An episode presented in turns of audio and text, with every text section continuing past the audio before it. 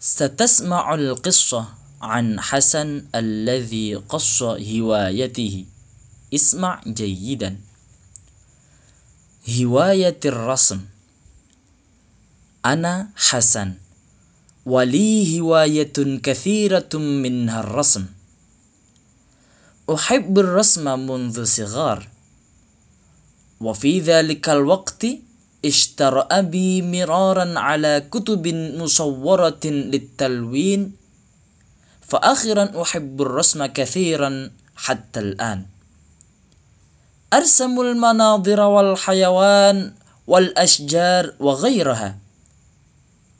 أذهب إلى المزرعة والبستان وأنظر إليها ثم أرسمها. وأحيانا أذهب إلى حديقة الحيوانات وأرسم الحيوانات مثل الفيل والنمر والأسد والقرد وغيرها.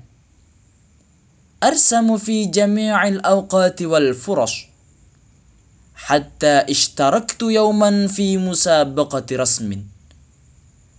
ونلت على درجة بطلة فمن هناك أصبحت حماسا جدا وثقة في قدرتي.